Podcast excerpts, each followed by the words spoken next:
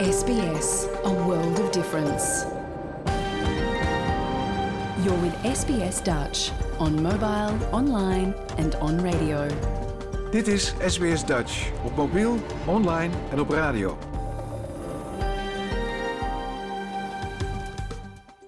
Graag erkennen wij de traditionele eigenaren en verzorgers van het land, van waar we vandaag SBS Dutch uitzenden, en uiten we ons respect aan de Camaragal mensen van de Kurungay Nation en hun ouderlingen uit het heden en het verleden. Ook kennen we de traditionele eigenaren van alle Aboriginal en Torres Strait Islander landen, van waar u vandaag naar ons programma luistert.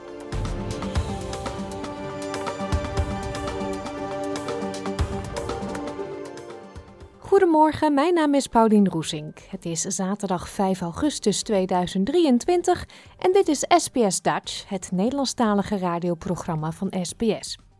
Het komende uur hebben we veel afwisselende onderwerpen en gesprekken voor u. Zo staan we stil bij de Australische woningmarkt, die het afgelopen kwartaal een sterk herstel liet zien.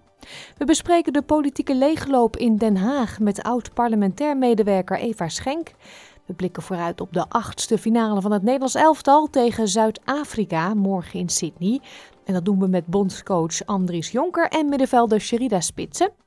In een nieuwe aflevering van Leer Nederlands legt Joyce Diebels uit wanneer je de lidwoorden de, het en een gebruikt. En natuurlijk heb ik ook het willekeurige weekoverzicht voor u. Dat en muziek allemaal straks. Nu eerst aandacht voor de stijgende kosten van levensonderhoud en de gevolgen daarvan.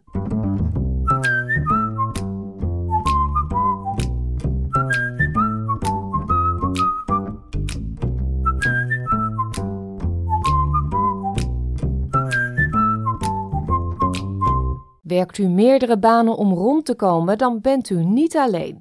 Uit nieuwe gegevens van het Australische Bureau voor de Statistiek blijkt dat een record aantal mensen in Australië meerdere banen moeten aannemen om de huidige druk op de kosten van levensonderhoud aan te pakken. De ABS schat dat ruim 947.000 Australiërs in maart meer dan één baan hadden, een record. Craig Jericho, beleidsdirecteur bij het Center for Future Work van het Australian Institute, zegt dat deze toename het gevolg is van een combinatie van factoren waardoor de druk op huishoudens is vergroot. An increase in part-time and casual work, a decrease in the wages of uh, people in terms of uh, what they're getting paid for what they're doing, and then the increase in the cost of living. When you put all those together, you see a great number of people having to work more than one job just to get by. De ABS schat dat iets meer dan 13 miljoen werkende Australiërs slechts één baan hebben, wat betekent dat 6,6% van alle werknemers meerdere functies bekleedt. Voor de COVID-19-pandemie lag het aandeel werknemers met meerdere banen tussen de 5 en 6 procent. Maar sinds december 2021 ligt dat aantal dus hoger. Rachel Bartolo heeft haar eigen klein bedrijf en is moeder van twee kinderen. Ze zegt dat de stijgende prijzen in de supermarkt en van andere benodigdheden ertoe hebben geleid dat zij en haar man zich nu moeten bijscholen en extra werk moeten zoeken om rond te komen. the grocery bill has increased dramatically and things aren't just going up like, you know, 30 cents or 20 cents. Like they're going up like whole dollar amounts. Like our grocery bill's probably gone up at least 100 to 150 dollars over the last few months. It's crazy. Uit de nieuwste gegevens van de ABS blijkt ook dat de jaarlijkse kosten van levensonderhoud voor werkende huishoudens in Australië met 9,6% zijn gestegen. De grootste stijging sinds er in 1999 begonnen is met het bijhouden van die statistieken. Mevrouw Bartolo is eigenaar van een sportschool in Nowra aan de zuidkust van New South Wales. Nadat de COVID-19-pandemie de sportschool financieel al flink raakte, is het door de recente inflatie voor haar niet langer houdbaar om de sportschool draaiende te houden en moest ze het bedrijf te koop zetten. It devastated me, to be honest. I watched my dream die. I watched everything that I'd built die. And like I, I'm continuing to watch my dream die while it's, you know, while it's open and not selling. It's not really a seller's market either. Um, you know, because no one can afford anything. There was a moment there where I was like where am I going to go from here? Because I've devoted, you know, a decade of my life to my whole identity was fitness, you know, running my gym and, and everything. And it's sort of like I'm not, I can't do this anymore. Mevrouw Bartolo werkt nog steeds fulltime in de sportschool, maar heeft onlangs haar diploma Community Services behaald en verdeelt haar tijd tussen de sportschool en het werken voor liefdadigheidsinstellingen. Ondertussen moet haar fulltime werkende man bijklussen om extra inkomsten voor het gezin te genereren. Dit komt overeen met twee ogenschijnlijke tegenstrijdige gegevens: een aanzienlijke toename van de financiële druk op huishoudens en de huidige lage werkloosheidscijfers in het land. Uit de meest recente ABS-gegevens blijkt dat het werkeloosheidspercentage in Australië in juli 3,5% bedroeg, niet ver van de 3,4 van vorig jaar oktober, het laagste percentage sinds mid-jaren 70.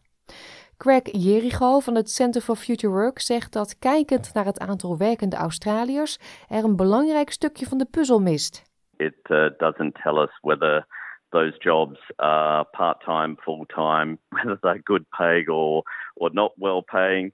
One of the interesting things about uh, this data on multiple jobs that has just come out shows that people who are working full-time jobs are also needing to to find another job to get by. So it's not just a case of people working two part-time jobs or three part-time jobs.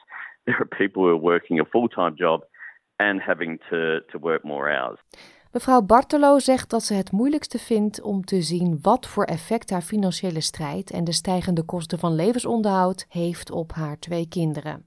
It's hard for little brains to understand money and budgeting. And my eldest son has a school camp coming up, and it's you know a couple of hundred dollars for two days.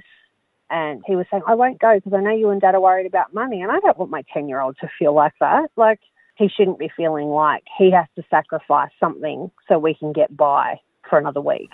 Dat was een verhaal van Sam Dover voor SBS Nieuws, in het Nederlands vertaald door ons SBS Dutch. Een ander hot topic wereldwijd is de huizenmarkt. Die heeft zich in Australië in het tweede kwartaal vier keer sneller hersteld dan in de drie maanden daarvoor. Analisten zeggen dat het herstel zou kunnen afnemen, wat de deur opent voor huurders die klaar zijn om te kopen. Degenen die dat niet zijn, hebben nog steeds te maken met een krappe huurmarkt met nog steeds hele hoge huurprijzen die naar verwachting verder zullen stijgen. SBS Dutch. Deel onze verhalen op Facebook. Ongeveer een maand geleden kregen huurders Hiero Batch en zijn partner een bericht waar geen enkele huurder op zit te wachten. Our um, real estate agent and landlord reached out to issue a notice of rent increase um, to the value of uh, $565. uh, which is a full 25% increase on our existing rent. Um, so, needless to say, that that's caused a lot of anxiety and stress for us. Um, and we've um, started hunting for houses because there's simply no way that we can afford such a steep increase. Hero werkt als schrijver en academicus en komt op voor de belangen van huurders. Hij woont al meer dan vijf jaar in hetzelfde appartement. In een tijd van renteverhogingen was het recente nieuws over een afnemende inflatie nauwelijks een opluchting. I can very confidently say that I have no plans or expectations to ever own my own property. Like many people, I've been a renter all my life, and I expect to be a renter for all my life because there's simply no way that I will ever be able to save enough to get onto the property ladder. Um, in terms of what these rising house prices means, it you know it means that um, you know, housing has become increasingly financialized and unaffordable for for for many, if if not increasingly most people. You know, um, one third of of households are now living in rental stress. Rental stress has become the norm, um, and so that certainly doesn't fill me with hope for the future. Maar anderen, zoals Steven Kwan, baart de krappe huurmarkt minder zorgen. De heer Kwan is een zogenaamde rentvester, wat betekent dat hij een woning bezit, maar in een huurwoning woont die veel dichter bij zijn werk, vrienden en familie ligt. At this stage, we're not looking at to settle down into a particular area um, and and maybe have um, a home to live in because uh, that maybe not within the, the long term goal that we want to achieve. Um, with the rental market again um, being being on the both side of the equations. Um, as investor, the interest also rising, the rental also rising, so that's the balance now. Landelijk herstelden de huizenprijzen zich in alle hoofdsteden gemiddeld met 3,4% na de recessie in december. Sydney zag met 6,7% de grootste groei, gevolgd door Darwin, Brisbane en Hobart. Adelaide en Perth bereikten recordprijzen, terwijl Canberra stabiel bleef. Een gebrek aan nieuw huizenaanbod in het afgelopen voorjaar was tot nu toe de belangrijkste factor die aan het herstel ten grondslag lag. Domeins hoofd onderzoek en economie, Dr. Nicola Powell, legt uit. What you tend to find during a downturn is sellers do sit on the sidelines, and that's exactly what we saw. But what we have seen is a, a, persistent recovery in Australia's housing market, and I think that's been enough to pull some sellers back to market. We've had a number of months where we've got pent up supply which has been built, and I think what we're seeing now is that price recovery has been enough to really bring some of those uh, sellers to market. Het is een verandering waarin experts zeggen dat het de prijsgroei zou kunnen vertragen. CoreLogic zegt dat het aantal veilingen ook stijgt. Maar Cameron Kasje van PropTrack zegt dat de druk voor huurders die nog niet klaar zijn om te kopen is toegenomen door het kleine aanbod van huurwoningen. So if we look nationally, uh, the number of properties on the market uh, for rent this year was 2.3% lower than it was a year ago. A year ago, it was the lowest it's ever been. So we're talking about yes, it's only marginally lower, but we're talking about historic low volumes of properties available for rent. Huurprijzen in hoofdsteden werden in juni geadverteerd voor een gemiddelde wekelijkse huurprijs van 550 dollar. Dit komt neer op een stijging van 17% in de afgelopen 12 maanden. In de regio bleef de huurprijs stabiel op 480 dollar per week. Helaas maakt dit niet uit voor Yarrow Badge, die in de buitenwijken van Melbourne woont. I don't think there is a renter in the entire country that feels confident that they will be able to find somewhere affordable to live, um, somewhere secure to live. Um, I think that renters in general are feeling the exact opposite of that. They're feeling vulnerable and they're feeling insecure because uh, of rents rising to astronomical heights. Analisten voorzien geen toename van het woningaanbod op korte termijn, waardoor de huurprijzen alleen maar verder zullen stijgen. Dit was een verhaal van Ties Okuyutsi voor SBS Nieuws en door SBS Dutch vertaald in het Nederlands.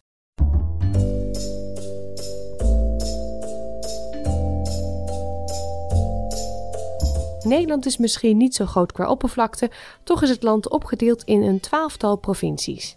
En ook al zit er slechts 300 kilometer tussen het noorden en het zuiden van het land, het verschil tussen de provincies is groot. In de podcastserie De 12 Provinciën leren we de Nederlandse provincies beter kennen. Dat doen we aan de hand van de verhalen en herinneringen van in Australië woonachtige Nederlanders. Ik woon er niet meer, maar ik, ja, het is altijd wel een goed gevoel om weer in Zeeland uh, te zijn. Een leuke middenstand met leuke winkeltjes. En toch al mooie ruime stranden, wat je in de Randstad niet hebt ja, dat maakt mij wel uh, een trotse zeeuw. Je moet gewoon een Brabander zijn uh, om dat te kunnen begrijpen. Het is gewoon uh, altijd de Brabantse gezelligheid die er is.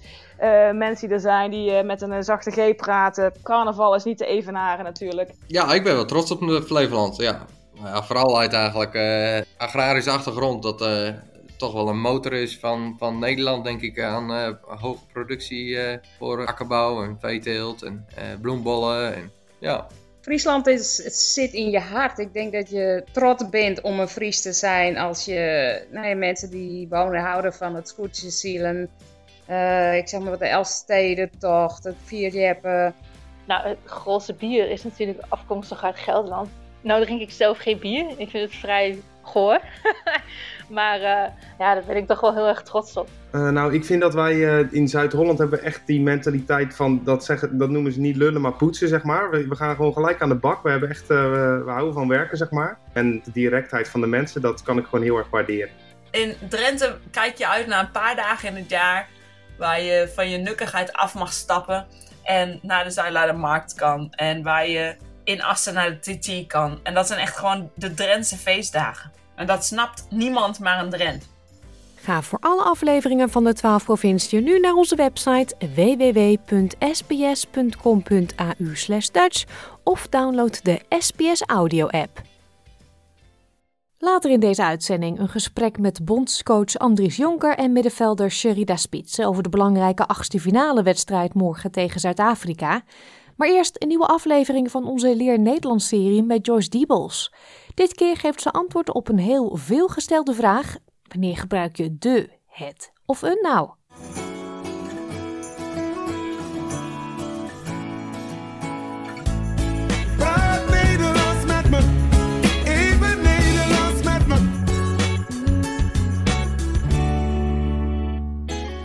Hoi, ik ben Joyce van Dutch with Joyce. Hi, I am Joyce, and today we have another Dutch mini lesson. And this mini lesson is quite exciting because this is a question that I get a lot. How to say the in Dutch? So, the is something that we use in front of a noun, like let's say de class, the dog, the window, etc. So everything that is a thing that you can put the in front of or a is considered a noun. However, in Dutch, we have two ways of saying the de and het. De and het. And the question that I get is how do I know when to say de and when to say het? Well, if you look at the grammar, people will see that de is considered masculine and feminine, and het is considered neutral. It doesn't work quite the way that we see it in, let's say, Spanish and French, where there's two words as well, and one is masculine and one is feminine. No. This is a bit different. However, if you are in doubt, I would suggest using de this is the most simple rule to apply. Whenever in doubt, use de because most words will have de. Unfortunately, there is no simple rule in knowing when to use de or het. That's why I say to my students use de whenever in doubt and learn the words with het. This is probably the easiest way rather than learning all the words and memorizing whether it's de or het. However, there are a few guidelines. Okay, so de, since it's masculine and feminine, is usually used for people. So, our family members, jobs, like job titles, um, any other way that we refer to a person.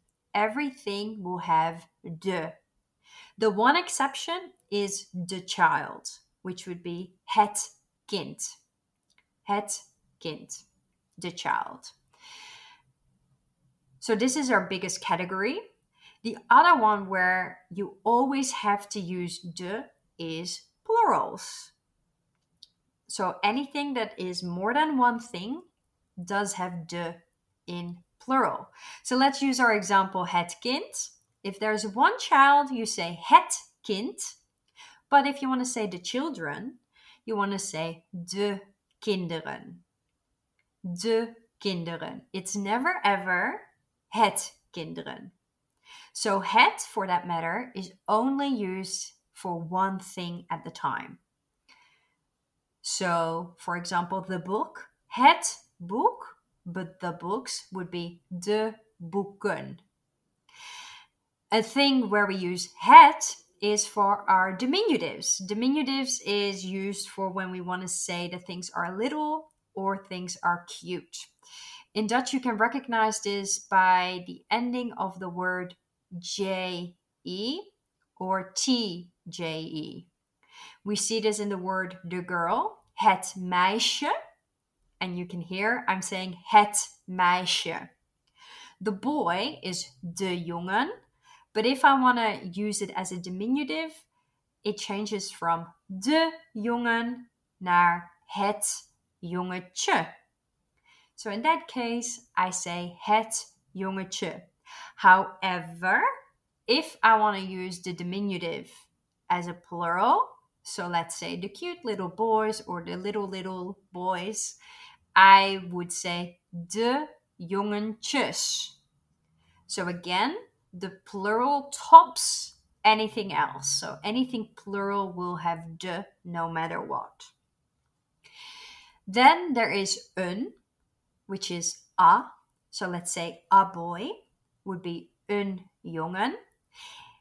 In conversational Dutch, you will hear Dutchies say un for a. However, you're also allowed to say een jongen.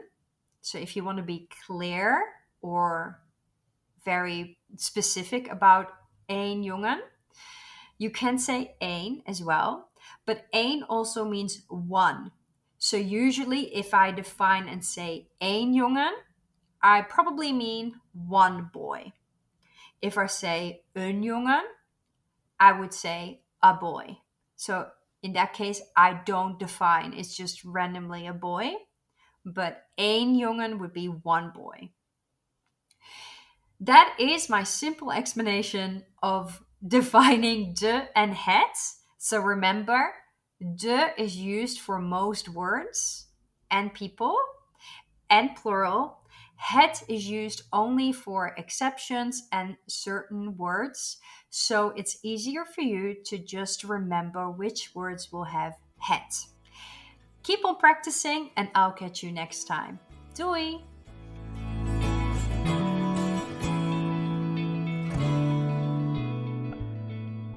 De uitleg en voorbeeldwoorden uit deze les zijn terug te lezen op onze website www.sbs.com.au/dutch. U vindt hier ook alle andere afleveringen van deze podcastserie. De afgelopen weken hoorde u aan het begin van Leer Nederlands iedere keer een kort stukje van het liedje Parijs van Kenny B.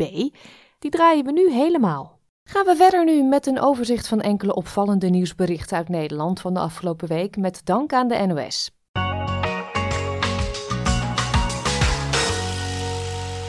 In Rotterdam ging vorig weekend het zomercarnaval weer van start.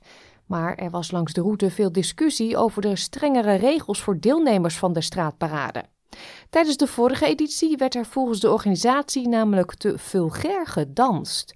Deze toeschouwers vinden daar wel wat van. Ik vind het kinderachtig. Slaat echt nergens op. Nee? Ik, nou, het hoort er toch bij? Ja, en ik heb Ja, ook zoiets. ik, Het is eh, maar voor één dag. Ja. Laat gaan. En als je niet wil dat je kinderen het ziet, moet je niet komen. Dus nee, ik heb er geen Ik probleem heb er geen mee. problemen mee, totaal niet. Ja, sommigen hebben zich best wel misdragen als je naar die beelden kijkt. Ja, dat klopt. Maar gewoon, als je kijkt ook in Brazilië, hoe ze dansen, Rio, dan is het echt bijna naakt ook als het ware. Mag niet zoveel bier.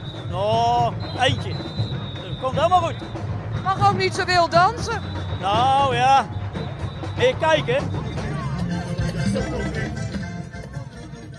Grote delen van Zuid-Europa werden vorige week getroffen door bosbranden. Vakantiegangers bij het Gardameer in het noorden van Italië werden geconfronteerd met een extreem zware hagelbui, waardoor auto's, tenten en caravans zo zwaar beschadigd raakten dat zelf terugrijden geen optie was.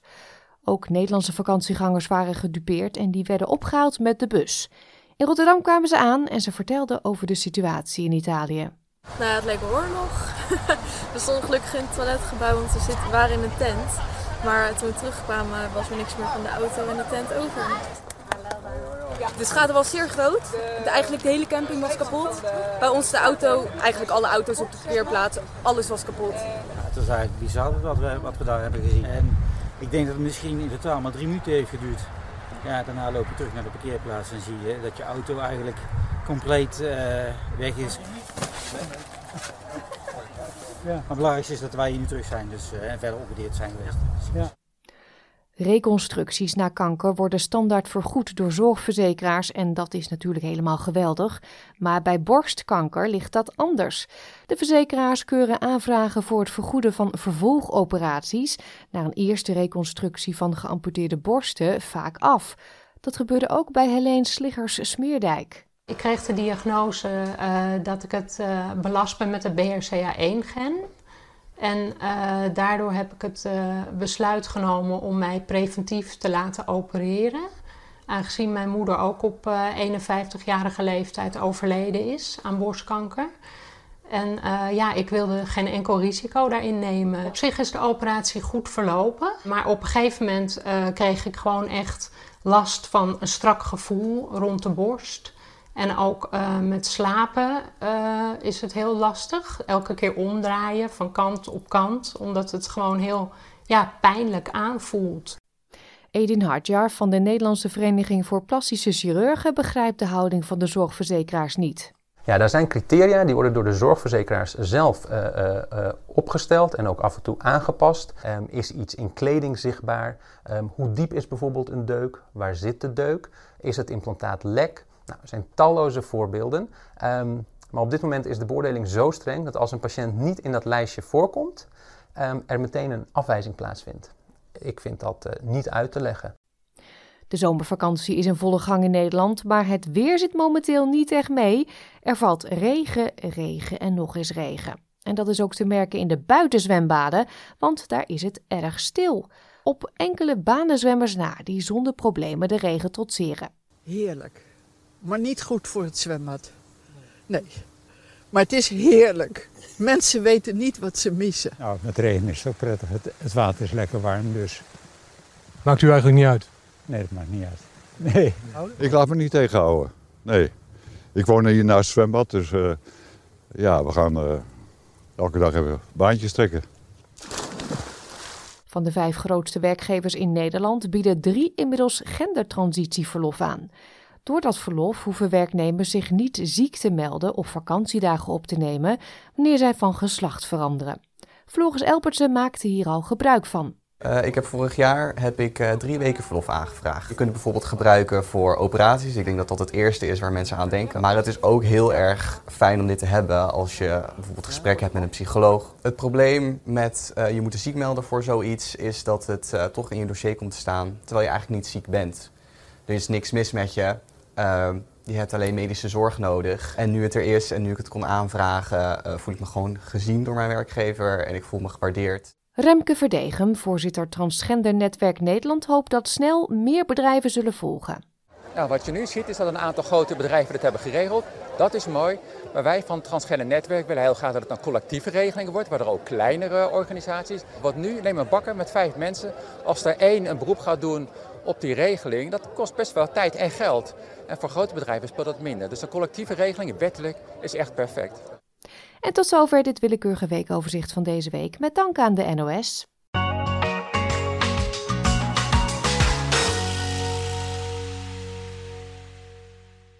In navolging van Mark Rutte hebben ook partijleiders Sigrid Kaag, Wopke Hoekstra, Lianne Den Haan, Farid Azarkan en Sylvana Simons aangekondigd de politiek te verlaten. Ook meerdere Kamerleden hebben afscheid genomen. We vroegen gisteren aan Eva Schenk, voormalig parlementair medewerker en oud-griffier, wat er hier aan de hand is en of de partijen al nieuwe leiders op het oog hebben. Ook bespreken we de vraag die heel Nederland bezighoudt: wat gaat Pieter Omtzigt doen? Jouw gemeenschap, jouw gesprek, SBS Dutch. Nou Eva, het is uh, inmiddels een week of drie uh, sinds het kabinet viel in Nederland. Het is zomer ook in Nederland, maar uh, het is allerminst saai daar in Den Haag, heb ik het idee. Ja, Paulien, dat kan je wel zeggen. Het is, het is inderdaad zomerreces. Normaal gesproken gebeurt er heel weinig in politiek Den Haag. Maar op dit moment nou ja, zit iedereen in Nederland met spanning toe te kijken wat er gaat gebeuren. Dat is één ding dat zeker is. Het startschot voor eigenlijk een domino-effect, laat ik het zo maar even omschrijven, uh, kwam van uh, demissionair premier Mark Rutte zelf. Die kondigde al heel snel aan, ik kom niet meer terug in de politiek. En hij was de eerste van velen. Ja, inderdaad. Ongelooflijk, hè? Ja, nou, je zegt het heel mooi, een domino-effect. Het is toch het effect wat Rutte heeft gehad op blijkbaar heel veel andere politici. Want ja, we hebben zoveel mensen hun vertrek zien aankondigen. Ik stond ook echt perplex ervan, moet ik zeggen.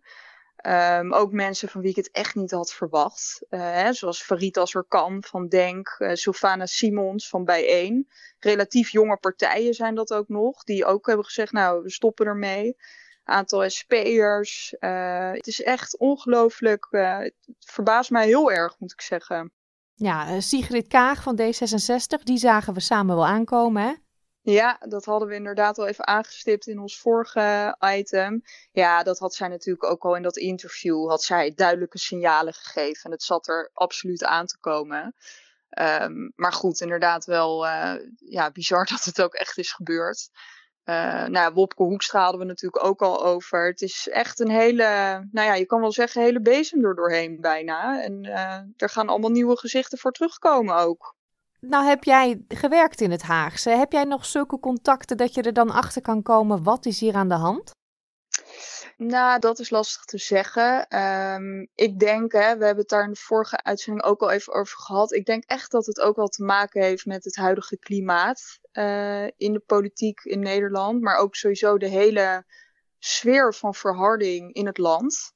Hè, er is natuurlijk ook best wel wat gebeurd in de afgelopen jaren. Dat zag je ook heel erg ja, toenemen in protesten en dat soort zaken. Dat de bevolking gewoon onrustig wordt, dat er verharding is. Zie je ook heel erg in het publieke domein op Twitter. En ja, één uh, oud-Kamer, of inmiddels ja, Kamerlid van de SP, die heeft aangegeven dat hij gaat stoppen, Peter Quint. Die had ook in een interview aangegeven dat hij echt uh, nou ja, bij zichzelf merkte dat hij na debatten gewoon een heel akelig gevoel had. En dat hij niet meer het gevoel had dat hij echt iets kon bijdragen direct aan de democratie. En dat is natuurlijk wel vrij zorgelijk, kunnen we wel zeggen. Dus ik denk, om antwoord te geven op je vraag, dat het heel erg te maken heeft met, uh, ja, met de hele sfeer op dit moment in politiek Den Haag. En, uh, en ook in Nederland onder de bevolking. Ja, de onvrede is groot, dat kunnen we wel stellen. Ja, ja. Nou, we zeiden al, Rutte weg, Kaag weg, Hoekstra, Den Haan van fractie Den Haan. Ja. Azarkan, Simons. Uh, hebben al die partijen al een uh, opvolger aangekondigd? Ja, nou, er zijn inderdaad bij een aantal, uh, bij een aantal grote partijen is al wel duidelijk geworden wie de opvolger is, wie de lijsttrekker is. Daar gaan we het zo nog wel even over hebben. Um, nou, bij een aantal partijen is het ook nog onduidelijk, zoals bij het CDA. Het CDA die heeft nu uh, eigenlijk de functie openstaan voor lijsttrekkers. En er kan door CDA-leden op gesolliciteerd worden. En dan een week voor de deadline bij de kiesraad op 28 augustus maken ze ja, dan bekend wie het is geworden. Um, Denk heeft inmiddels ook een opvolger voor Verriet als er kan. Dat is Stefan van Baarle, huidig Kamerlid. Uh, die zit nu ook in de Tweede Kamer, dus die gaat die uh, zware taak op zich nemen. En ja, het is nog steeds bij een aantal partijen nog niet helemaal duidelijk. maar bij een aantal partijen ook wel. Zoals bij VVD, D66, de Boer-Burgerbeweging uiteraard. Dus ja, het wordt, het wordt heel interessant. Zeker omdat Partij van de Arbeid en GroenLinks officieel uh, als één partij de verkiezingen ingaan. Onder leiding van Frans Timmermans. Dus dat is ook een vrij nieuw gezicht. Die zat in de Europese Commissie. En die gaat een, nu. Een, een oud nieuw gezicht, toch? Want hij heeft in de Kamer gezeten. Precies, een oud nieuw gezicht. Maar wel de laatste jaren is hij als eurocommissaris. Uh, heeft hij in, de, ja, in, de, in Brussel gezeten. En heeft hij zich vooral ingezet voor de Green Deal. Om uh, Europa verder te verduurzamen.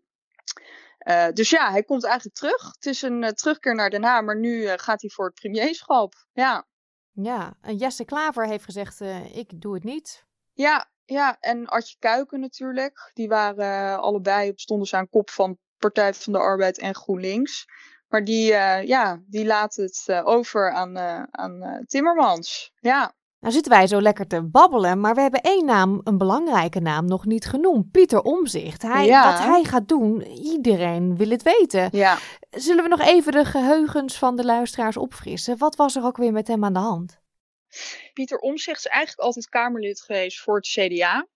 Uh, sinds mei 2021 uh, als onafhankelijk Kamerlid heeft hij zich afgesplitst van de CDA-fractie. Uh, ja, er waren een aantal dingen gebeurd, dingen die zich voor hebben gedaan, wat voor hem uiteindelijk het onmogelijk maakt om eigenlijk nog ja, daar te blijven en als Kamerlid voor de CDA-fractie uh, actief te zijn. Toen heeft hij zich afgesplitst, dus sindsdien is hij eigenlijk als onafhankelijk Kamerlid, opereert hij in de Kamer. Maar ja, het betekent ook als je je afsplitst als Kamerlid, dat je min of meer afgestraft wordt. Um, ja, in termen van budgettering. Hè? Dus je krijgt veel minder budget voor medewerkers, uh, voor ondersteuning. Dus hij heeft het echt uh, de afgelopen twee jaar met anderhalve medewerker moeten doen. Zeg maar. Dus dat is dan ja, ondersteuning op organisatorisch niveau, maar ook op beleidsniveau. Dus ja, dat is voor hem gewoon echt een enorme, enorme klus geweest. Bijna onmogelijk. En hij heeft natuurlijk ook uh, een burn-out gehad. Dus ja, het is voor hem dubbel op geweest. Ja, vorige week uh, heeft hij laten weten dat uh, een verzoening met het CDA er echt niet meer in zit. Ja. Maar ja, gaat hij nu toch een, echt een partij oprichten met meerdere mensen met een kieslijst en gaat hij meedoen aan de verkiezingen? Dat is de grote vraag. Dat is de grote vraag. En um, nou, op dit moment uh, laat hij het nog heel erg in het midden. Laten we daar maar op houden. Hij heeft net aangegeven dat hij, uh, dat hij nu nog vakantie neemt met zijn gezin. En dat hij rond de 20ste, 21ste van augustus ja, met een verlossend antwoord komt. En dat is exact een week voor de deadline dat alle partijen zich moeten laten registreren bij de kiesraad. Dus dat is op 28 augustus. Dus ja, een week uh, voor die deadline moet hij met, uh, met het antwoord komen. En ja, iedereen in Nederland zit echt met spanning af te wachten. Wat gaat Pieter Omtzigt doen? Omdat het zo bepalend is voor de hele verkiezingsuitslag.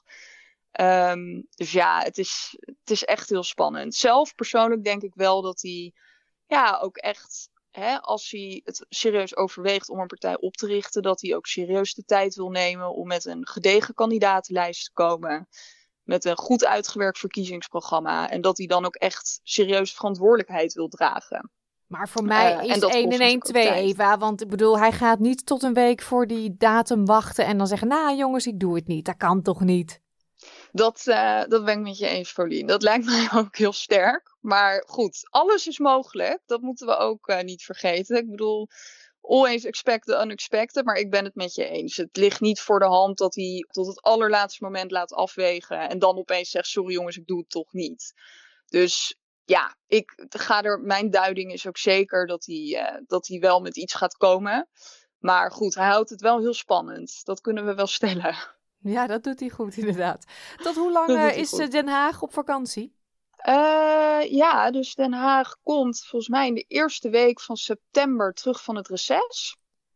Um, dus dan begint, dat wil zeggen, dan begint, uh, beginnen de plenaire vergaderingen weer. Maar goed, in de tussentijd speelt er natuurlijk van alles uh, op het gebied van ja, voorbereiding van de, van de verkiezingen, die op 22 november zullen plaatsvinden. En nou ja, 28 augustus is een belangrijke deadline, omdat dan alle partijen zich moeten laten registreren bij de kiesraad. Dan hebben we ook nog 9 oktober als een belangrijke deadline, want dan moeten alle partijen die zich hebben laten registreren ook met een kandidatenlijst komen.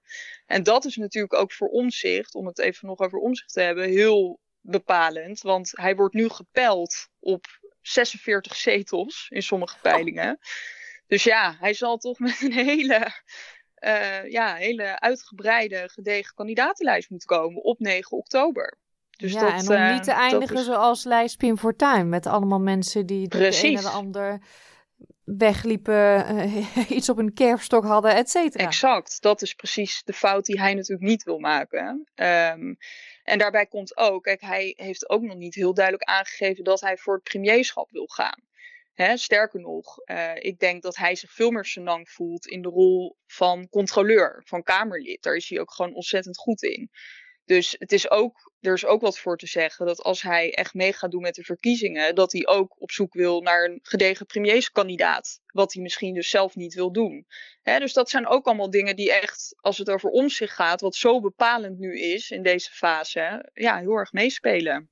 Ja, één conclusie kunnen we trekken. Er komt een hele nieuwe generatie aan in Den Haag. Heel benieuwd hoe dat gaat Absoluut. Uh, uitpakken. Absoluut. Hele nieuwe generatie. Ook nog leuk om even aan te tikken dat natuurlijk bij de VVD er ook een heel nieuw gezicht komt. Uh, op dit moment is VVD natuurlijk wel gewoon de nummer één in de peilingen. Als Omzicht dus niet mee zou doen, niet met een lijst zou komen. En de VVD die wordt uh, aangestuurd nu door Dilan is, zij is op dit moment minister van Justitie en Veiligheid. En uh, nou ja, met haar nu als voorvrouw krijgen we ook een heel, hele andere soort VVD op een bepaalde manier. Dus dat is ook wel heel interessant, wat, uh, wat dat voor effect gaat hebben op de verkiezingsuitslag. Ja, we hebben het al vaker gezegd. Het worden leuke, spannende, bijzondere tijden. En uh, ik ben blij dat je dat voor ons in de gaten gaat houden. Absoluut, met heel veel plezier. Dankjewel, Eva. Tot snel. Ja, ik kan daar niks aan doen. Maar na een gesprek over politiek in Den Haag, ja, dan voel ik toch de drang om Harry Jekkers voor u te draaien. Hopelijk zingt u lekker mee, net als ik, met OO Den Haag. De Oranje Leeuwinnen zijn weer terug in Australië, in Sydney om precies te zijn. Daar spelen ze zondagmiddag hun achtste finale tegen Zuid-Afrika. Vrijdagmiddag landden ze op het vliegveld van Sydney en een paar uurtjes later stonden ze op het trainingsveld en wij mochten erbij zijn. Na afloop van de training sprak ik met bondscoach Andries Jonker en speelster Sherida Spitsen. SBS Dutch, woensdag en zaterdag om 11 uur ochtends of online op elk gewenst tijdstip.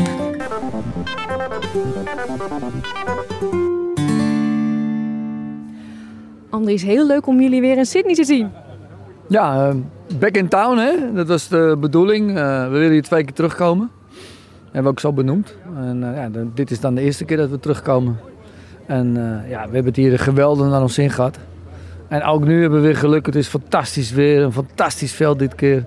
Ja, je voelt je gelijk weer ja, echt thuis. Hoe was het in Nieuw-Zeeland? Ja, op zich um, qua ontvangst geweldig. Net als hier, hartverwarmend, vriendelijk, gastvrij. Dat was echt top. Um, ja, in het noordelijke eiland redelijk goed weer. We waren ons basecamp in Tauranga. En in Dunedin uh, af en toe uh, origineel takken weer. Met, met heel veel wind en regen en wisselvallig weer. Maar ook een mooie dag gehad. En uh, ja, het was prima toef in Nieuw-Zeeland. Ja, we zijn blij jullie weer te zien in Australië. Dat is een goed teken. Als Sydney-sider ben ik heel blij dat je ook in Sydney bent. Anders stonden we hier nu niet. Um, wat kunnen wij aanstaande zondag van jullie verwachten, coach? Ja, dat we weer vol op de aanval gaan spelen. Want daar ligt onze kwaliteit. Het ging echt geweldig, hè, afgelopen wedstrijd. Oh, ja. nou, sorry, ik ben een leek. Ja, als, als trainer zie je altijd uh, ruimte voor verbetering. Maar inderdaad, je hebt een paar prachtige goals gezien en een paar geweldige aanvallen en een heel enthousiast Nederland. En, en dat willen we ook zijn, dat zijn we ook. En voor veel verschillende scoorders, dat was zo mooi.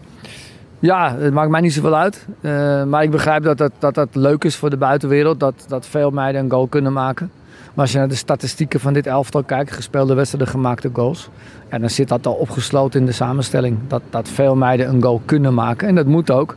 Vivian is er niet bij, die normaal gesproken toch uh, de helft of twee derde voor de rekening neemt. Ja, en dat is nu niet zo. Dus anderen moeten ook wel opstaan. Ja. Hebben jullie eigenlijk als team contact met haar nu? Ja, een aantal uh, speelsters en ik ook. Na elke wedstrijd hebben we even contact en dan vraag ik wel naar haar uh, bevindingen, hoe ze het heeft gezien. En ze let ongelooflijk goed op, op datgene wat we doen. Ze heeft veel contact met die meiden. Dus daar heb ik echt wat aan. Ze zit niet in de groep en is daarom uh, objectief en ja, voor mij in ieder geval behulpzaam. Ja. Nou zeg je net, ik zie altijd wel wat. wat moeten ze dan aankomende zondag tegen Zuid-Afrika beter doen? Nou ik denk dat je ook gezien hebt dat de eerste minuten toch Vietnam een paar keer gevaarlijk was. Ja, dat mag niet tegen Zuid-Afrika. Die zijn weer wat beter. Dat kun je niet veroorloven. Dus dat mag niet. En, en ja, daar praten we dan over. En we leggen uit hoe of wat. Um, ja, en we hebben natuurlijk ontzettend veel doelpogingen gedaan. Zeven gemaakt. Maar het gemiddelde moet eigenlijk wel omhoog. Als je 48 doelpogingen doet en dan gaan er 7 in. Dan ben wel heel blij met die 7. Maar dat klinkt dan toch wat minder inderdaad. Nou ja, dan, dan het, het, het, het percentage moet omhoog. Je, moet, je krijgt straks niet meer 48 doelpogingen, maar misschien 15. En dan moeten er gewoon vier in. En dan moet het percentage omhoog. Ja. Gaan we ze pakken? Ja, we hebben daar alle vertrouwen in. We zijn hierheen gekomen in de, in, met de overtuiging dat wij van iedereen kunnen winnen. En als je iedereen zegt, dan valt ook Zuid-Afrika daaronder. Met alle respect voor Zuid-Afrika. Nou, moet ik nog één ding checken. De vorige keer dat ik uh, bij jullie was, uh, had ik een cadeautje bij me. Allemaal stroopwafels. Hier, made in Sydney. Heeft uh, Daphne van Domslaar die wel gedeeld met jullie? Ja, die heb ik rond zien gaan. Ja, ja, ja, ja. ja. Dit, dat merk je wel, dat de berichten uit Nederland, de berichten uit het buitenland die van Nederlanders komen of andere mensen, dat doet goed. Je bent uiteindelijk toch wekenlang, volgens mij 21.000 kilometer van huis. En, en dan dat soort dingen, die verbinding oproepen met Nederland, ja, die doen goed. Maar dat zal jullie die hier wonen niet vreemd voorkomen, vermoed ik zo. Nee, heel veel succes zondag en hopelijk dan weer snel tot ziens. Ja, wij willen hier terugkomen. Dus dit is de eerste keer en we moeten echt daarna nog een keer terugkomen. En daar gaan we echt alles voor doen. Dankjewel. Alsjeblieft.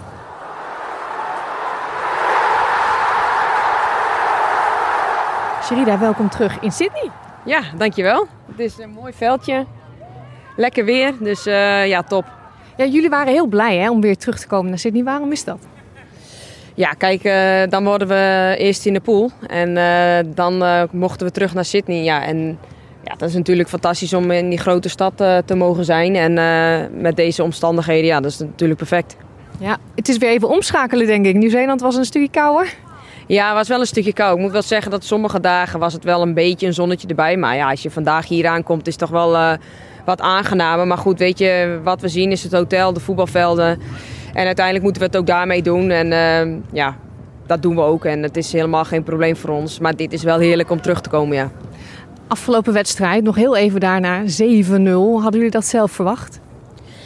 Nou ja, niet zo'n dikke uitslag. Uh, we wisten wel dat we iets met alle respect voor Vietnam iets meer kwaliteit hadden uiteraard. Maar ja, je moet het wel toch wel laten zien. En dat is aan ons om dan dat te laten zien. En dat hebben we wel echt heel goed gedaan. Natuurlijk kunnen er altijd dingen beter. Maar we moeten ook tevreden zijn met wat we hebben laten zien. Want ik denk dat we echt voetbal hebben laten zien waar mensen van houden. En veel doelpunten hebben mensen gezien. Dus ja, ik hoop dat er heel veel mensen voor ons komen richting, uh, richting zondag. Nou, dat kan ik je vertellen. Dat gebeurt, want ik zag overal stress. Oh, Waar kan ik kaarten kopen? Jazeker. Okay. Volgens mij wordt het heel erg oranje. Um, en uh, jij bent natuurlijk als een van de veteranen hier. Hoe is het om in Australië zo'n groot toernooi te spelen? Ja, dat is wel speciaal. Je komt hier natuurlijk niet uh, wekelijks in zo'n... Uh, aan de andere kant van de wereld in zo'n mooi land. Uh, dus ja, dat is wel bijzonder. Dat is wel speciaal dat wij hier uh, ja, mogen spelen. En dat met, uh, met het Nederlands elftal, ons kikkerlandje. Dus dat is wel mooi. Het wordt wel Nederlands weer, heb ik begrepen, zondag. Nou ja, dat is niet zo erg. Dan gaat die bal lekker snel. Dus uh, nee, dat is geen probleem. Weet je, uh, daar hebben we mee te dealen, hebben we vaker gedaan. Dus, maar we moeten aan de bak. Het zal niet makkelijk worden. Dus uh, zoals je ziet, het hele toernooi is het al niet makkelijk. Dus we moeten gewoon weer aan de bak. Maar jullie groeien elke, elke wedstrijd, heb ik ja. het idee. Dus dat is ook zo. We, we groeien ook. We, als je kijkt naar hoe we de eerste wedstrijd hebben gespeeld eerste wedstrijd hebben gespeeld, vervolgens tegen Amerika. Maar je speelt ook continu weer tegen een andere soort tegenstander. Dus ja, maar uiteindelijk moet je wel je eigen spel blijven spelen. En dat ontwikkelen we steeds beter en doen we ook steeds beter. En dat is wel, uh, ja, dat is wel genieten. En als speler altijd reizen, hoe is dat? Ja, dat is uh, aan de ene kant, ja, dat weten we van tevoren. We wisten dat we veel moesten gaan reizen. Uh, de ene zit iets gunstiger dan de ander. Maar uiteindelijk stel je je daarop in en moeten we goed rust nemen waar we kunnen. Uh, de training aanpassen waar, waar, we kunnen, wanneer we juist wel weer hard moeten trainen. Dus daar wordt heel goed rekening mee gehouden. En uh, ja, wij als groep zijn daarin best wel flexibel en is ook wel een kracht van ons. Nou, we genieten van jullie en we hopen nog lang van jullie te kunnen blijven genieten. Dat hoop ik ook. En ik hoop dat ze er allemaal zijn zondag. Dankjewel, heel veel succes. Dankjewel. Deze belangrijke wedstrijd op het Wereldkampioenschap voor Vrouwen is zondagmiddag om 12 uur. Dat is dan uh, de tijd van de Oostkust. En dan speelt dus Oranje tegen Zuid-Afrika. Deze is helaas niet op het open net te bekijken, maar op onze Facebookpagina www.facebook.com/dutch houden we u op de hoogte van de score. Voorafgaand aan de wedstrijd wordt er trouwens een speciale Oranje Mars georganiseerd naar het stadion. Hier kan iedereen aan meedoen, ook als je geen kaartje hebt voor de wedstrijd, maar wel in het oranje de Nederlandse vrouwen wilt aanmoedigen. Wij zijn er ook bij. Nu bij SBS Dutch aan boord. In vijf afleveringen nemen wij, Nina van Hatten en Frank Turkenburg, je mee op verschillende schepen van de VOC. Ik vind het heel bijzonder dat zo'n duifke, een klein scheepje van 24 meter, overal naartoe kan varen. Reis mee op een historische reis van Nederland naar Australië. Verteld door de ogen van de passagiers en met behulp van verschillende onderzoekers. Maar hoe dicht je bij de kust van Australië terecht kwam, hoe risicovoller het ook was. De laatste twee keren dat we daar waren, hebben we vrij veel nieuwe skeletten gevonden. Ga op avontuur op de Zuiderzee van de 17e eeuw en ontdek samen met ons Australië. Nu bij SBS Dutch. We komen hiermee aan het einde van deze uitzending. Op onze website www.sbs.com.au/dutch kunt u al onze verhalen en podcastseries terugluisteren. Dit kan ook via de SBS Audio app. Deze is gratis te downloaden in de Apple Store en in Google Play. Dit uur eindigen we met muziek van de Drieërs. Dit is de toekomst. Ik wens u een heel fijn weekend. Hup, hup. Tot woensdag.